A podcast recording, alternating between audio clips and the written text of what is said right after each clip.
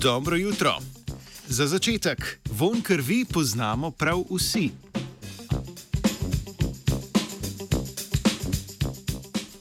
Znanstveniki in znanstvenice so odkrili preprosto molekulo v krvi sesalcev, ki privablja tako hlevske muhe kot volkove, obenem pa odbija tako miši kot ljudi.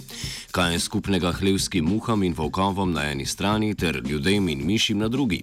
Prvi so plenilci, drugi pa vsaj v, v evolucijskem smislu plen.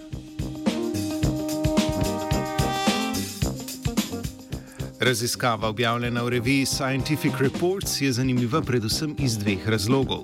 Prvič, čeprav je pomen kemičnih signalov v odnosu plenilec-plen že dolgo znan, do sedaj še niso odkrili kemičnega signala, ki bi bil hkrati vabilo plenilcu in opozorilo plenu. Drugič, spojina ED2, ki jo opisujejo v raziskavi, služi istemu namenu v sorodstveno zelo oddaljenih vrstah živali, kot so denimo ljudje in muhe. Mm-hmm.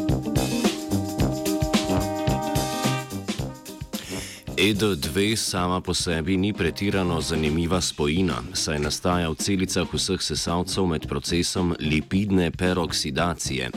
Zanimivo je morda to, da se sama spojina človeškim testnim subjektom ni zdela posebno neprijetnega vonja ali jim kako drugače povzročila neprijetnih občuti, vendar je vseeno v njih vzbudila obrambno obnašanje.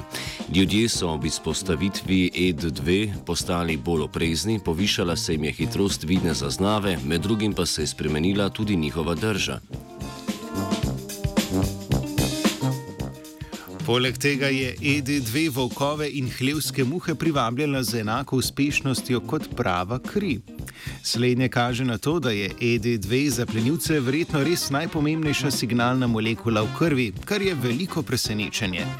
Do sedaj je namreč veljalo, da gre pri kemijskih signalih med sesalci po večini za kompleksne koktejle različnih spojin.